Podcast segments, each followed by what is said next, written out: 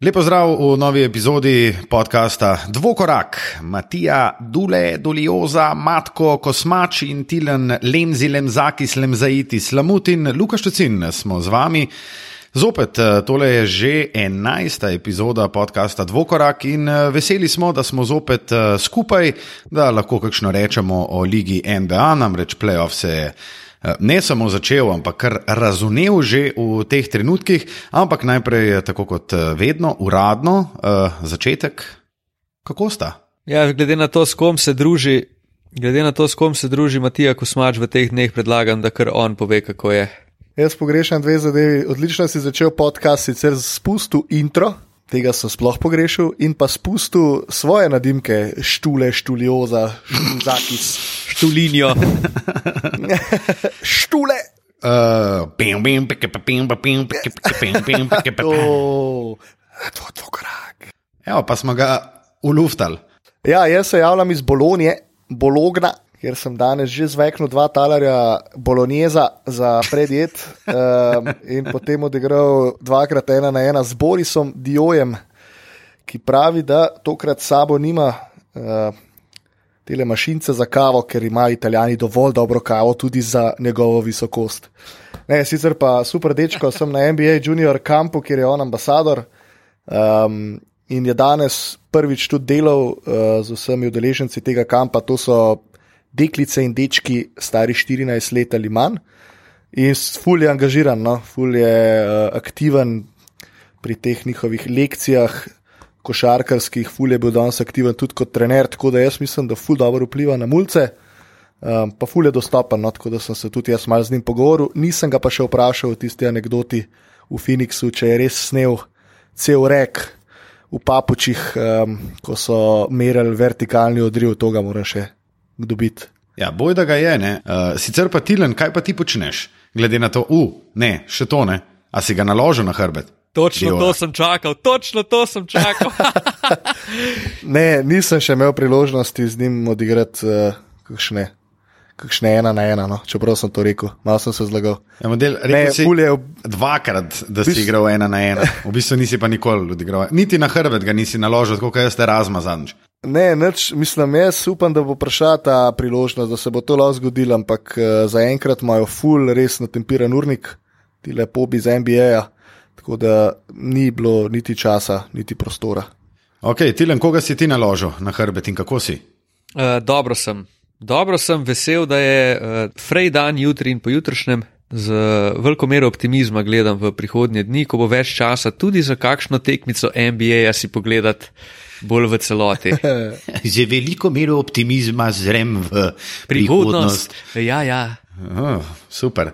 Um, ja, nič, pa pa, pa, pa gremo, ne. Uh, Ne, začenjamo. ne, daj štule še ti povej, daj še ti povej, kako si, kaj počneš. Ah, štule si bo pa tudi vzel sredo in četrtek frej, zato bo Lamut mogel tudi komentirati in delati in grad.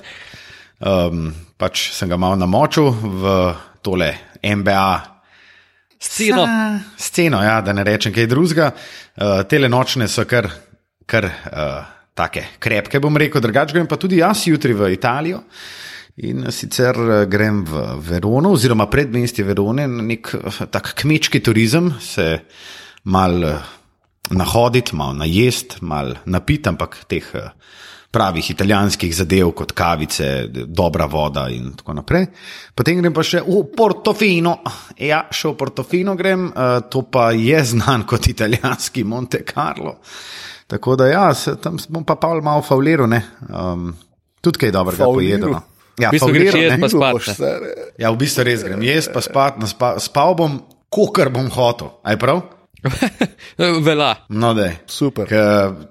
Je tale spanec, oziroma manjko spanja, ker eh, že terja davek, moram reči. Uh, ampak dovolj, dovolj o uh, naših prigodah in kako se počutimo in kaj bomo počeli. Uh, vemo, kaj sledi in sicer to je hejterski kotiček. Kdo pa tokrat začne? Matija, Tilen. Matija, izvoliš. Pa sem pa premijer, vedno prvi, v glavnem. Um, nisem si ga niti neki ful prepravil, ampak eh, edina stvar, ki mi je v zadnjem času malce stopila v nos, um, so neposlušni igralci San Antonija, ki so mogoče zaradi tega tudi zgubili serijo, ko se je Popovič eh, meter in pol v igrišču drl na svoje igralce, ne naredijo faul. In uh, kdo je bil tam, Lamarko Soldrič? Ne? Ja, pa. V bistvu, Mars je bil blizu, pa Derek White, Drozen. to je ena velika katastrofa bila, ne? Pa ne to, da ga niso slišali, pa dobro, fanti, se igrate, fa, basket. Točno to. 15 let in več, pa se ja zastopite, da te zgubi tekmo, ker je do konca manj kot 20 sekund, valjda narediš fal. Mislim, Mislim- ne štekam, no. Jaz nisem, jaz nisem pričakoval od igralcev San Antonija, da bodo ja. naredili tako napako. To je pač ne vem, kaj se je tam dogajalo. Ful čudno. No? Ja, jaz sem komentiral tisto tekmo in se moram, moram se tako le malo. Jaz sem tu čakal, da bo narejen prekršek, ampak sem kar imel v mislih, oziroma kar mislil sem, da to je nek del plana, ampak sem videl, da je Popovič stopil res meter in pol igrišče in se začel dret, pa kazati, ne nekdo naredi. Ne nekdo naredi osebno napako, in nikogar ni bilo, se mi je pa pol v bistvu mi je kanilo, da v bistvu nekaj ni v redu, in da dejansko tista peterica, ki je bila na igrišču 24, oziroma to je bilo 30 sekund pred koncem, v bistvu ni vedela, kaj naj naredi, oni so držali žogo in pol je bilo seveda 4 sekunde premalo za 4 pike. Ja, in najbolj pragmatičen odgovor Popoviča možen, ne po tekmi, ko so ga novinarji vprašali, kaj se je dogajalo v zadnjih 20 sekundah. Niso me slišali. In to je to, zgodba končana. Pop je kar šef, kar se teh odgovorov tiče.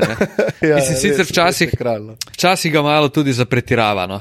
Mislim, kaj pa naj njega drugo novinari sprašujejo? Mislim, kaj, kaj bi on rad od njih? Po eni strani, ne? Sam po drugi strani je pa ful smešno gledati to, kako jim odgovarja. Pa ko vidiš njegovo novinarsko, ki traja 3 minute, pa vse skupaj reče 15 besed. Jaz bi se, kar se tega tiče, bi se navezal na svoj haterski kotiček. Štule se v, hejterskih kotičkih večkrat naveže, kot v svojih časih Tomaš Humar. Uh, ali pa Davo Krničar.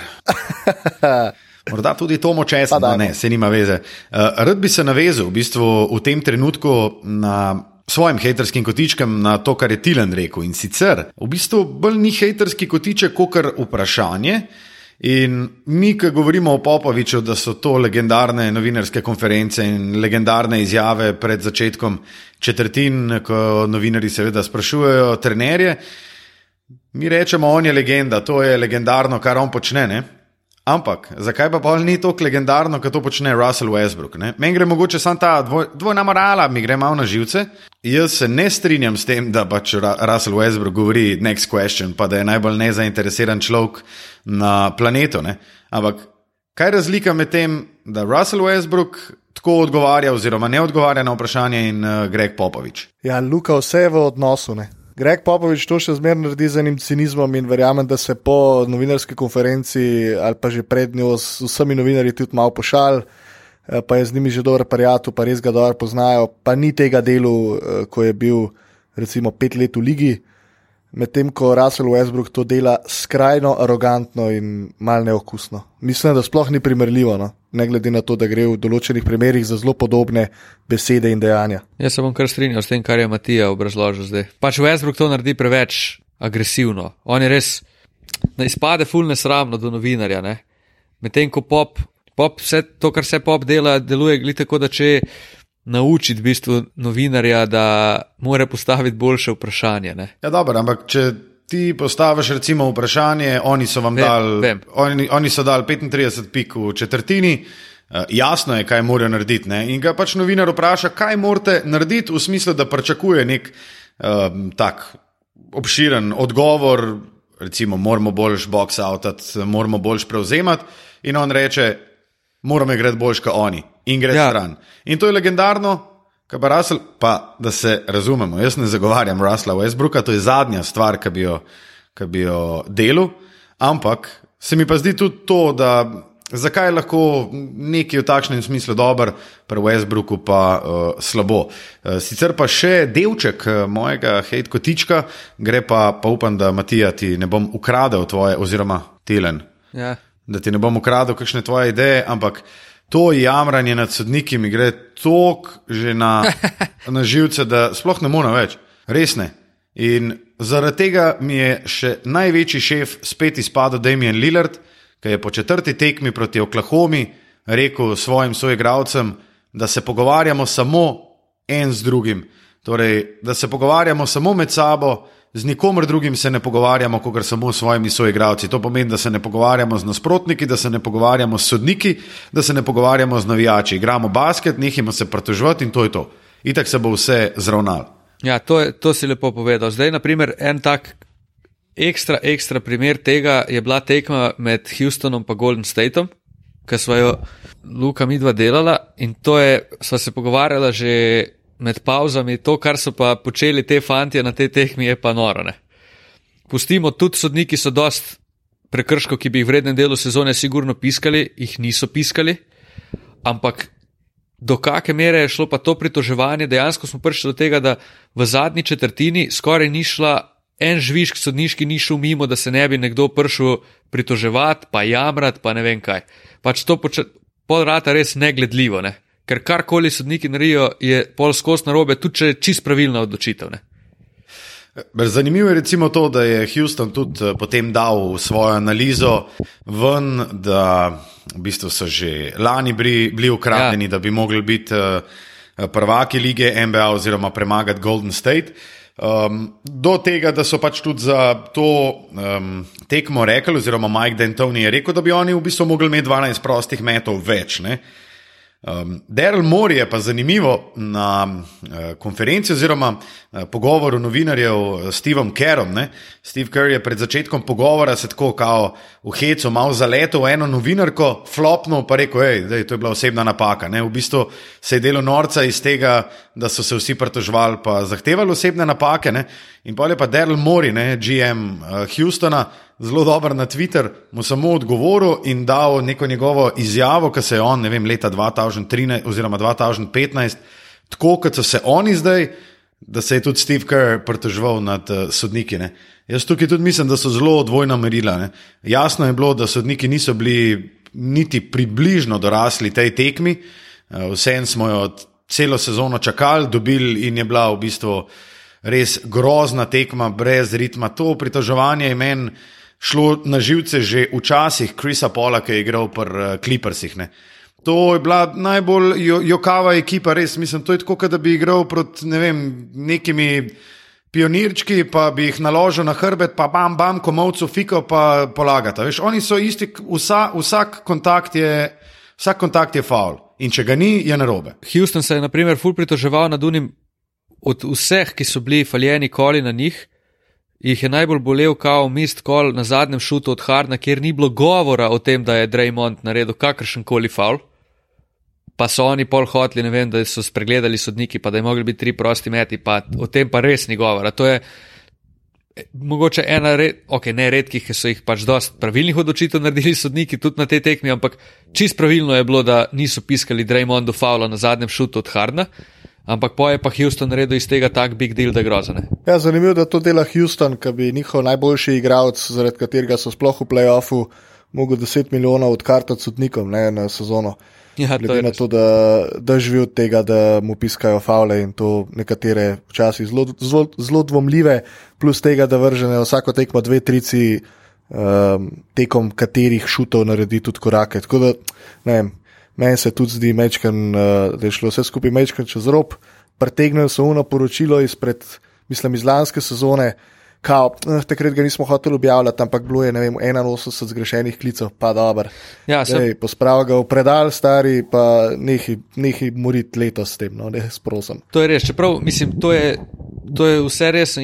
Hkrati pa velja tudi za sodnike na tej tekmi, da je bil kriterij res katastrofalen, ne? ker se v določenih situacijah res ni vedlo več, kaj je faul, pa kaj ni faul. To pa tudi ni vredno, kar se tiče sodnikov.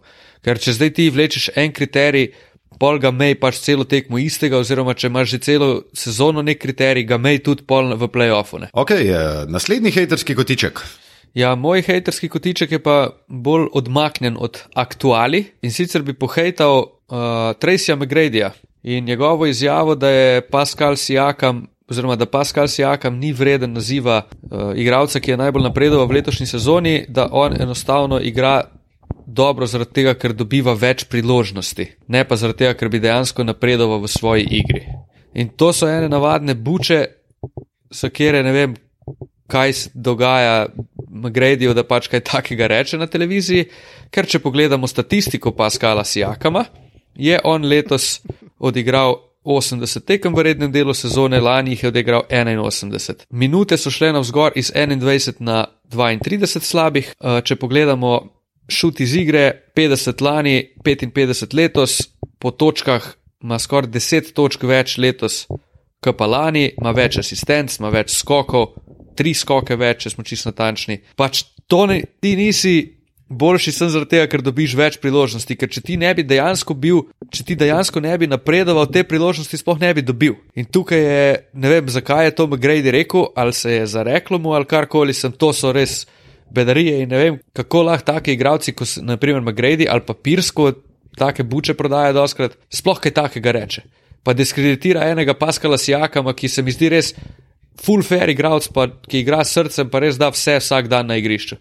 Mislim, je, se zdi, Pascal Sijakam, recimo, od koga si ti rekel, ena izmed najbolj simpatičnih zgodb te sezone. Jaz tudi ne vem, zakaj bi ga vzel v zobe, je pa res tudi to, ne? da Tracy McGrady skupaj s Polom Persom in kakšnim Skotjem Pipnom imajo na vsake tok take najave, da mislim. Taki indijanci, da se res lahko sam tipi postavijo, pa en to tam uh, namontirajo od spred, pa se noter utaborijo ker to je neverjetno, res. Ta ESPN-ov first take je ni za gledati. No. Meni je bil še nekaj časa zanimiv, sam zdaj pa sploh ne odpiram več teh, sploh, ko vidim tak naslov, kot je vem, bil za to izjavo. Res, ne vem, po mojem, ali pa malo gledal na YouTubu ali nekaj. Pač A ni logično, da če nekdo napreduje, pa je boljši, da bo dobil več priložnosti? Pa bi za čisto vsakega igralca, ki je most improved, lahko rekli, aha, uh, pač on ni most improved, on sem dobi več minut, pa zaradi tega pač ima boljše cifre. Ja, no, pa vse vidimo, kako je igral v playoffu. Vse tle sploh ni smisla, da uh, nadaljevati te debate. Prav imaš, Sijakam je most improved player te sezone in bo nagrado tudi dobu, Tracy naj pa. Vem, si najde druge prijatelje, pa malo z njimi razglablja o tem. Uhu. Ja, dobro. Aktualije, playoff. Začenjamo na vzhodu in sicer v seriji prvo postavljenega, Milwaukeeja. Ja, jaz in... se bom tukaj kar vklopil, ne prekinu te bom, pa bom rekel, sem vam rekel. Pa, dobro, res je, res konc, je, prva tekma. Serije, vse no. vem, vse vem. Prva tekma je šele bila, čist mi je jasno, da se lahko stvari hitro spremenijo. Ampak mi je pa full sedelno, moram reči. A to pa verjamem. No. Verjamem, da ti je sedel, pa verjamem tudi to, da je, mora biti kar dober občutek. No. Uh, glede na to, da jaz moram čisto iskreno reči, da nisem niti približno pričakoval, da bo Boston tako reagiral in da bo v bistvu dobil pet zaporednih tekem v končnici, obenem Sweepnu Indijano in uh, takoj na prvi tekmi ukradel Milwaukeeju um, prednost domačega igrišča. Moramo pa, mislim, da se oba strinjata z mano reči, da je Al Horford prvo tekmo odigral direktorsko. Pokazuje vse, kar, eh, kar kaže že kar nekaj časa, pa se tega ne vidi v statistiki in zaradi tega ga marsikdo ne ceni dovolj, ampak Horford je kar, je kar direktorno. A mislite, da bo Janis drugo tekmo odigral tako podpovprečno, kot je prvo, da ga bo Boston spet tako dobro zaustavil? Ne. Ne mogoče. Mislim, jaz mislim, da bo napovedal, sem, da bo Boston šel dalje iz te serije, ampak dejstvo je, da Janis bo v tej seriji sigurno imel eno tekmo, ki jih bo odlomil 35 ali pa 40. Samo eno. Mislim, mogoče pa imel tudi dve, ampak obenem pa ni nujno, da bo Milwaukee to tekmo dobil. Zaradi tega, ker Boston je, Boston je tok deep, da, da noro. No, oni, imajo, oni lahko vržejo ogromno ljudi na, na Janisa, ogromno lahko tudi pokrijejo, pokrijejo ostalega prostora in oni imajo game plan narejen, Milwaukee, se, Milwaukee je un, ki se more prilagoditi v tej seriji in to mora narediti full hitro, ker če oni gredo slučajno za 2-0 v Boston, to je konc. Ker Boston je pa že pokazal, že v prvi seriji proti Indijani, da oni dobesedno na rutino sem čakajo, kdaj bo druga ekipa padla in takrat jih zlomijo in dobijo tekmo ne vem, za 6, 7, 8, 10, 12, 4 pike, ampak tudi če je 4, v resnici ni niti blizu tekma. Ok, ko smač mi dva, kot se spomnim, sva oba rekla, da bo Milwaukee šel v seriji proti Bostonu naprej, si se po prvi tekmi, ki je Boston dobil res šefovsko premislil, ali še vedno verjameš, oziroma kar govoriš za me, verjameva v zmago Milwaukeeja. Ja, nimam česa dodati. Ja. Verjameva, verjameva. Ja, verjameva. Ja, ja. Ja, okay. To mi je všeč, da verjamete, no? ker je bilo res čist brez veze, če bi zdaj pač po prvi tekmi spremenila svoje mnenje. Ne, pa valjda, tako da si ti verjel že celo sezono v Boston, tako bo vam midva pač te dva tedna oziroma deset dni počakala in verjela v Milwaukee. Pravim, da sem vesel, sem, da bo serija dobra, da se je Boston popravil in da v playoffu igra neko svojo to obrambo, ki, jo, ki smo jo že videli lani, recimo, in ki bo res prenesla to zanimivega. Je pa nekaj zanimiv, ne preden se posvetimo drugi seriji na vzhodu. A imata oba feeling, ker jaz ga imam in to prvič po res dolgem času, če ne sploh prvič, odkar spremljam ligo NBA, da imamo konferenčna, konferenčna finala, ne, eh, oziroma polfinala.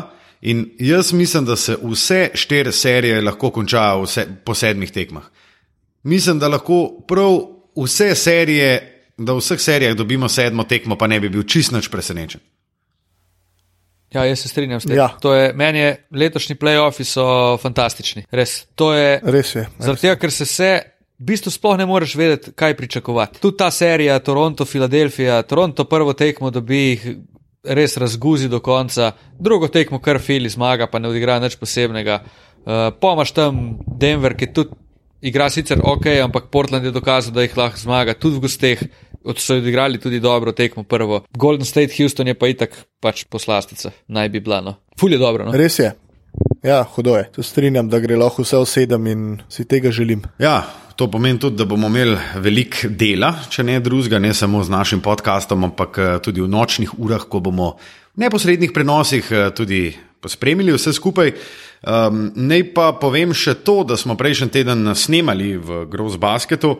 In um, če še niste videli, smo zbirali naš Mount Rushmore, torej štiri najboljše eh, košarkarje vseh časov, po našem mnenju, potem štiri najboljše, eh, ki bi jih mi radi spremljali v Primu, in štiri najboljše mednarodne košarkarje, ki smo jih dali torej na Mount Rushmore. Zato pejte na Gross Basketovo um, Facebook stran in tam pogledajte naš Facebook Live. Zabavali smo se, pa tudi komotar minuta je v letu dvakrat vmes, pa smo odigrali tudi uh, dve um, tekmici do 11, dve na dve in uh, eno, en, ena, ena je bilo v zmagah, ne? Uh, več mislim, da nam ni treba povedati. Torej, Filadelfija in Toronto. Ker povej, da več nočeš povedati, ne?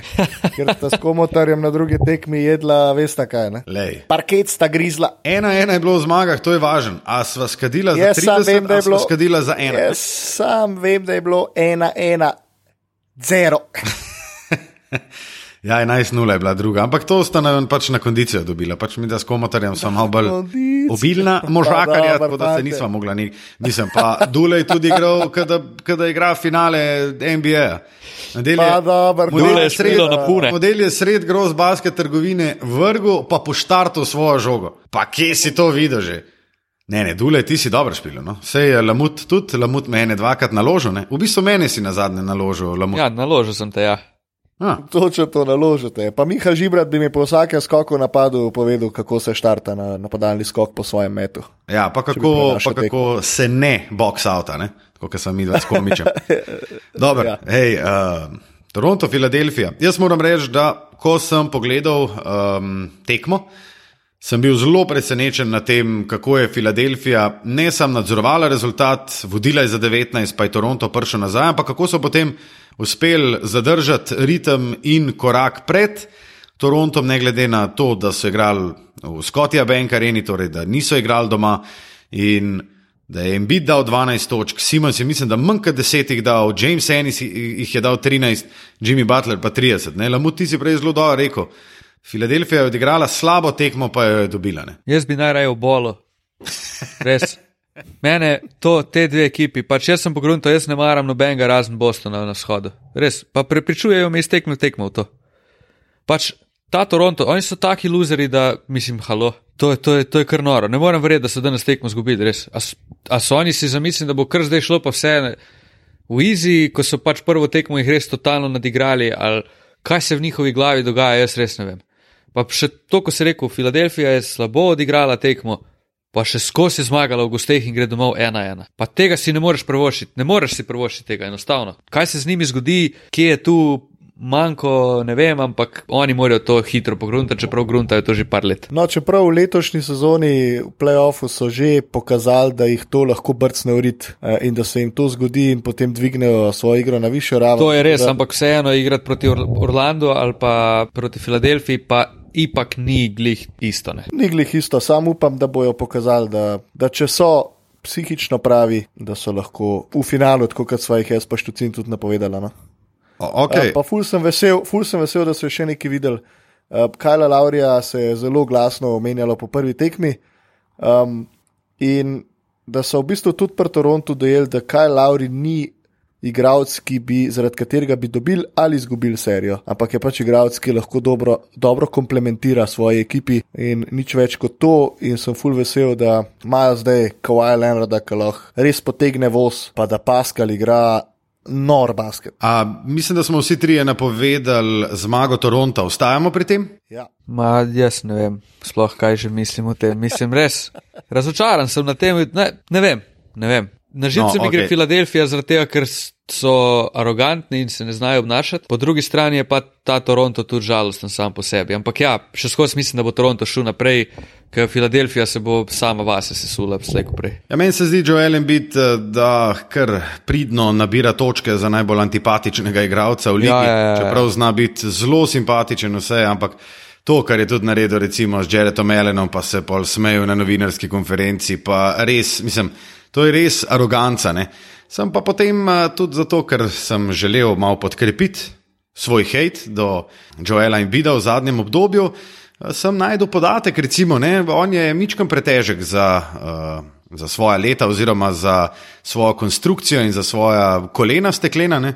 In recimo najboljši kardio za to, da ne trpijo kolena, je plavanje. Ampak eh, Joel Embiid se boji globoke vode, boji se globokih bazenov in noče plavati. Tako da bo vedno imel težave s koleni, razen če ne bojo ne vem, česa iznajdel, oziroma da ne bo ne vem, plaval v zraku, pa ga bojo suspendirali gor na ne vem. Nekih pet metrov pa bo po zraku plaval, ali pa neki veter bo pihal, da bo nek zračen opor. Ampak ja, Joel Embiid, eh, velikan iz lige NBA in iz Filadelfije, senegalski kralj se boji vode. Kar je ne samo, da ti da, da on dosti gradiva na tiskovnih konferencah, da ga človek ne bi maral. Ne. Ti si šel seminarsko napisati o tem. To, kar si pa ti zdaj naredil, je pa kolena, stari. Res, čestitke. Ja, lej, kaj? Če, če, če hočeš hejtati nekoga, moraš pač imeti material, da ga hejtaš. res je, res je. Dobro, okay, gremo na zahod in sicer na serijo Portland-Denver. Denver je prvo tekmo pred domačimi gledalci v Pepsi centru dobil, v mestu Miljo visoko so slavili in to po zanimivi končnici oziroma zanimivi tekmi. Uh, kot smo že dejali, Portland je pokazal, da lahko premaga Denver tudi v Pepsi centru, ne na zadnje je to pokazal tudi San Antonijo. In jaz, glede na to, kako je Portland dobil serijo proti Oklahomi, in ne glede na to, da so izgubili prvo tekmo tudi v polfinalu proti Denverju, čeprav sem rekel, da bo Denver v konferenčnem finalu, zdaj tja dajem Portland. Res me je pripričal, Lillard, tudi ne na zadnje ene skanter, ki igra sam z eno roko oziroma z eno ramo je odlično odigral in jaz sem začel verjeti v ta Portland, v katerega nisem do danes nikoli verjel. Ja, no, kaj pa vem, to je še ena serija v, eh, v podobnem ritmu, kot je bila serija San Antonija in Denverja, se mi zdi, kjer eh, ni jasnega favorita in kjer imam jaz veliko težav karkoli napovedati vice, da Nikola Jokič rabe en dober sidekick, ki ga trenutno nima in da se dosti pozna te, ta nihanja v igri njegovih soigralcev, sploh Jamala Murraya, ki naj bi bil njegov sidekick. Um, tako da ful, ful težko, pa ne hvaležno je tu karkoli napovedati. Ampak ja, tako kot si ti štuc rekel, Portland je v letošnji sezoni res pokazal veliko in ne bom nič presenečen, če, če to serijo dobi. Mislim, jaz še skozi mislim, da bo Denver šel naprej iz te serije. Zato, ker so se oni zdaj enega bremena, s tem, ko so San Antonijo butili ven, so se otresli in se mi zdi, da so že to tekmo proti Portlandu odigrali dosti bolj sproščeno, kot pa so igrali prvih, mogoče pet tekem ali pa vseh sedem celo proti San Antoniju. In mislim, da je tudi psihološko jim je lažje se bilo lotiti te uh, serije proti Portlandu, kot pa serije proti San Antoniju, ker tam Malone, trener je že pred začetkom serije proti San Antoniju govoril o tem, kako je siguren, da bo Popovič pripravil nekaj posebnega itd. Ne. In tukaj, po mojem, oni vejo, da lahko, če igrajo na način, kot so igrali v rednem delu sezone, lahko zmagajo Portland štirikrat in po mojega tudi bodo, ker Portland se bo pa slejko prej pokazal ta manjko. Ne vem, koliko lahko Kanter še odigra s to ramo oziroma z eno ramo. Lillard bo mogel biti nerealno dober, kar že je, ampak še boljši, ko je bil naprimer na tej tekmi, ko je dal 39, da bi Portland lahko premagal Denver. Ker v končni fazi je Denver tudi dokazal proti San Antoniju, da ni tako izrazito domača ekipa in da komod zmaga tudi v gosteh. Ne? Ja, jaz tudi vlogo favorita puščam Denverju. No. Hm, ampak okay. se pravi, ne bom pa presenečen, če se, če se zgodi. Ja, če bo pa če gre, če gre Portland naprej, bo meni močnejši. Če je kje Portland močnejši, je psihično dosti močnejši. Um, vse smo slišali te izjave Lillarda in McCalluma, da ko je McCallum lani hodil po Evropi in se je še vedno odvijala končnica, je rekel pač tega naslednje leto ne bo in res, res so se res so odločni o tem, da jim letos rata neki s to ekipo no? in da dokažejo, da niso sami ekipa za reden del. Psihično so močnejši, imajo nek um, čip on their shoulder in tako no. Po drugi strani pa talent je na strani Denverja, sploh Jokara igra. Igra tako smooth basket, da, da to, to je res lepo gledati. Njega bo Portland, njega Portland ne more ustaviti. Ne more ga. Ja, Ni šans.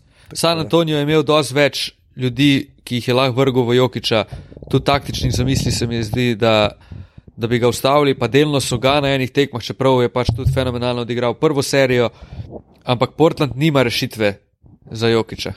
Jokič ima lahko sam full, full slab dan, pa ne vem, da ne bo mogel zadeti, čeprav on je tudi igralec, če bo videl, da ga pač ne more dati, bo nehal porabljati žoge, ampak bo bil koristen na druge načine. Tako da če bo, če bo Denver igral sproščen basket, pa da ne bodo preveč razmišljali o tem, hej, fakt, zdaj pa lahko uh, pridemo v finale Zahoda, pa ne vem kaj, bodo to serijo, po moje, dobili. Če pa se bodo začeli oni obremenjevati s tem, je pa definitivno, tako se rekel, psihološko močnejši Portland. Dobro, potem vidva ostajata pri Denverju. Jaz, po, jaz pa sem skočil na ladjo Portlanda. Eh, in mislim, da bo Portland šel naprej. Dobro, bomo videli že naslednji podcast, ki ga bomo posneli naslednji teden, bo dal že več odgovorov na naša predvidevanja. Ok, še zadnja serija, ki jo moramo predelati, je serija. Golden State in Houstona. Že smo rekli, da smo v bistvu na to serijo čakali od lanskega konferenčnega finala, kjer je bil Houston v bistvu eno mečno mišico Krisa Pola oddaljen od finala in kot so pol še sami rekli, zgleda tudi dobrih eh, sodnikov stran, oziroma dobrih sodniških odločitev, kako koli. Eh, drugo tekmo, danes po noči, glede na to, da to snemamo v torek, bo pa zanimivo sodil Scott Foster, ki pa je najbolj osovražen um, sodnik v ligi NBA, oziroma najbolj osovražen sodnik za Houston, tako bom rekel, glede na to, da je na zadnje Scott Foster 21. februarja um, sodil na tekmi Eh, Houstona proti Los Angeles Lakersom, takrat pa je v bistvu James Harden eh, po tekmi javno kritiziral tega sodnika in bil tudi kaznovan s 25 tisoč dolarji. Meni se zdi, da imajo, ima Houston, če ne drugega, če bojo tudi to tekmo izgubili, imajo tudi pripravljen kakšen, uh, kakšen izgovor, ja, da pa bil to spet Foster, pa da vsi vemo, kaj Foster pomeni za nas. In mislim pa, če si lahko vzamem čisto mičken časa, da je Houston res, res zrel premagati uh, Golden State. S Tilom so delali tisto prvo tekmo in mislim, da je imel Houston večji del prvega polčasa, okoli 28 posto met iz igre, to se pravi, ničesar niso uspeli zadeti, pa so bili še zmeri na 7-6 pik za ostanka. Je pa res, pizda. Je pa res tudi to, da je Golden State izgubil neverjetno velik žog. Ne? In se mi zdi, da Houston, če bi malo bolj meto iz igre, pa da če se ne bi toliko pritožvali, kot so se, zato ker so si sami v bistvu ritem ozemali, velik tehničnih, velik prekinitev skozi neko pizdanje, pa preden pa izvajaš proste mete, in tako ti vzameš zaradi pizdanja še pol minute. In mislim, da če se bodo pustili, da bodo igrali tako, kot so oni v rednem delu sezone, oziroma vsaj od novega leta naprej pa da bojo igrali tisto hitro igro. Vse to je v bistvu igra tudi Golden State, ampak jaz mislim, da jih lahko Houston prav v tej igri tudi premaga. Ampak mogli se bojo nehati pritoževati in mogli bojo začeti pač špilati basket. Jaz bi ful rad verjel to, kar si ti zdaj povedal. Neizmerno si želim, da Golden State izpade, ampak za vsem, kar si rekel, se strinjam, sem ne vidim pa scenarija, po katerem bo Houston štirikrat premagal v, ostalih, v šestih tekmah, zdaj koliko jih je še ostalo, da bo štirikrat Houston premagal Golden State. To ne, enostavno ne vem, ne, ne znam si predstavljati tega scenarija in tu pač dajem še skozi prednost Golden State, oziroma jih pošiljam naslednji krok, kljub temu, da si res želim, da se to ne bi zgodilo. No, ampak vsi vemo, da ima Golden State toliko nekega talenta, toliko dobro ekipo. No, da, da je res težko. Ne? Se mi v bistvu kle govorimo, da če lahko, oziroma ali vidimo, da ima neka ekipa dosto orožij, dosto um, um, taktično zrelo igro, da lahko Golden State premaga. Konec koncev, Warriors ne igrajo niti približno na nivoju, recimo z lanske ali pa. Ne, ne, um, ali pa, pa predlanske končnice. Ne. To, kar zaenkrat Warriorsi kažejo, je precej, precej pod pričakovanji, no, vsaj pod mojimi pričakovanji, ker sem mislil, da bodo precej bolj dominirali. Meni se še skozi zdi, da Golden State igra full neosredotočeno, da, da še skozi niso čist, čist noter, kot da še skozi ne bi dojeli, da, da se igra končnica, da zdaj res treba dobiti, ampak v končni fazi, le oni tudi če ne dojamejo še tega, oziroma da nam zgleda, da niso čist sfokusirani še skozi so šli 4-2 iz prve runde, še skozi so dobili tekmo proti Houstonu zdaj. In pač to je toliko enega talenta zbranega, da je enostavno težko jih premagati. No. Kaj ti praviš, Matija? Ja, jaz tudi ostajam pri Golden Stateu. No, malo se že ponavljam, sam spet ne bom presenečen, če Houston gre naprej. Ampak uh, Houston ima fuleno tako bolj oportunistično igro.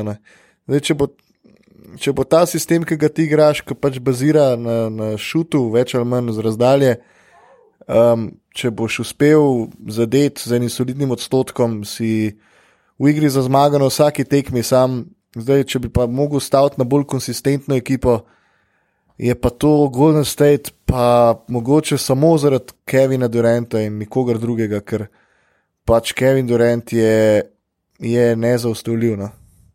A bi rekli, da je Kevin Durant trenutno pa... najboljši igralec v ligi? Ne. Brez kakršnega koli pomisleka. Ok, Matija, brez kakršnega koli pomisleka, Lamut pa ne. Ne, najboljši igralec v ligi je LeBron James, to je dejstvo. Pa dobro, ta pa, trenutek. Na to, kar sem videl v letošnji sezoni, v ta trenutek je Kevin Durant. Ne, se je. Moj najboljši. Ne, ta Kul trenutek. Res vemo, da ga kejtaš, no, ampak ta pač. trenutek, a je Kevin Durant najboljši, Tilan? Ne. Kdo pa je? Je Lebron. Ja, pa ta trenutek, no, Lebrona ni v playoffu. No. Ja, pa se pravi, med igravci, ki so trenutno v playoffu, ja, je ja, Kevin Durant. Trenutno najboljši. igrajo. Ok, redo. Če morda poslušalci in poslušalke še niste ugotovili, uh, ugotovili Tile Lamute res ne mara, ki na ti reče. Res ga ne maram, res ga ne maram. Um, res ima rad Lebrona Jamesa. Ja, res ima rad Lebrona Jamesa, ne mara Kevina Duranta, rad ima Boston. In až kaj bi recimo bilo zelo zanimivo, da se KD poleti odloči iti v Boston, oziroma da Boston naredi oh, trade za KD. -ja. To bi bila pa taka sladka oziroma, zmaga. A ti povem, a ti povem kaj? Oziroma, Ej, da gre pa skupaj čaki, z Lebronom. Čaki. To bi bilo tudi kar noro. No? Kaj da? Da gre skupaj z Lebronom. Kaj bi pa naredil? Ej, ne, čak, lej, sej, po moje bi, ne vem, bi zdaj moramo, ne, ne, ne, moramo zdaj ene stvari razčistiti. Prvo, prvo kot prvo. Kevin Durant, jaz ga sovražim sem zaradi tega njegovega muva, ki je šel v Golden State, ker to je bil res tok pusi muv, da adijo pebi, res. To je, ne morem verjeti, da je to naredil še skozi. On je šel, da naj še enkrat ponovimo to zgodbo. On je šel, ne, pridružil no, se je ekipi, ki je bila najboljša ever po rednem delu sezone, v, v sezoni res najboljša. Hkrati je ta ekipa ga izločila, potem ko je on vodil, koliko je bilo 3-2, 3-2 je bilo ali 3-1 celo. V finalu konference in pol ga je ta ekipa izločila s tremi zaporednimi zmagami in pol je šel on za njih igrati. Pač tega ne narediš, zaradi tega ga sovražim. Jaz bi full rad, da gre Durant v New York, naprimer ali pa pač v eno ekipo, kjer bo lahko samo ustvaril nekaj in pol, če bo takrat bil res šef, pa car, pa ne vem, dobil naslov, vsaka čas kapo dol, ker je res individualno, on je trenutno najboljši skorer v NBA-ju, pač daš mu žogo, pa ga bo dal, dvignil se bo iz desetih metrov, nima veze. Kot drugo, jaz imam Boston ne rad kot ekipo, tako imam rad, naprimer Miami, ampak verjamem v njih letos, ker so res dobro sestavljeni in so deep in bi naj videl, da igrajo finale, ker po moje dejansko imajo največ širine v igri. Ne pa obožujem Bostona kot franšize. Ha, no, ok, zanimivo. Um, se upravičujem, Tilen. Nikakor, lej, ne se upravičevati, uh, rad imam, ko me zbadata.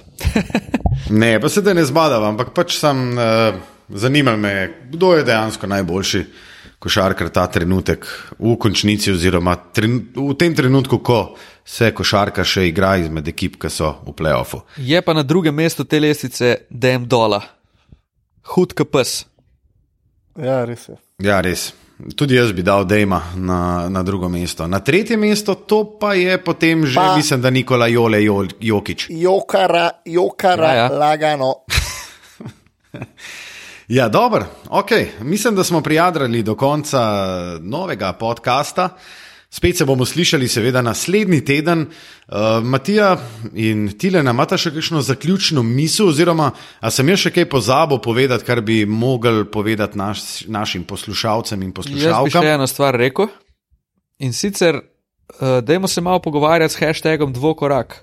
Uf, no, vidiš, bravo. Ja, pa dajte se naročiti na Apple Podcasts in uh, nam pustite kakšen komentar, ki ga bomo kaj kmalo prebrali tudi v naš eter. Ja, v naslednji epizodi, oziroma tisti, ki pride še po naslednji, odvisno koliko bo komentarjev, bomo prebrali, odgovarjali tudi na vaše vprašanja. Še enkrat, torej, hashtag dvokorak, tam bomo v bistvu zbrali vse vprašanja, oziroma vse zanimive komentarje in jih eh, tudi uporabljali v oddaji, oziroma odgovorili na vaše vprašanja. Torej, na Twitterju hashtag dvokorak za Tilna Lamuta, ki ga najdete pod.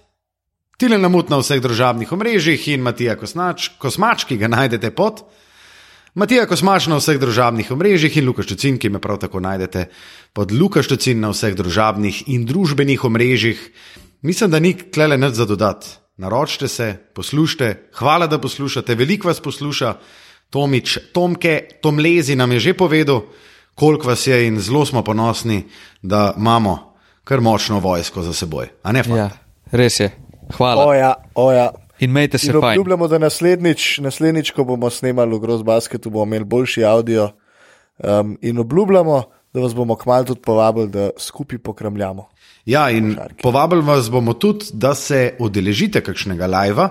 Mislim, da bo tretji ali pa četrti tisti, kjer se bomo pa dejansko videli, kjer boste lahko prišli v Gross Basket na tribune in uživo poslušali podcast Dvokorak, oziroma to, kar bomo pač delali za Gross Basket, pa bomo pa še kakšen basket odigrali, oziroma kakšen horse.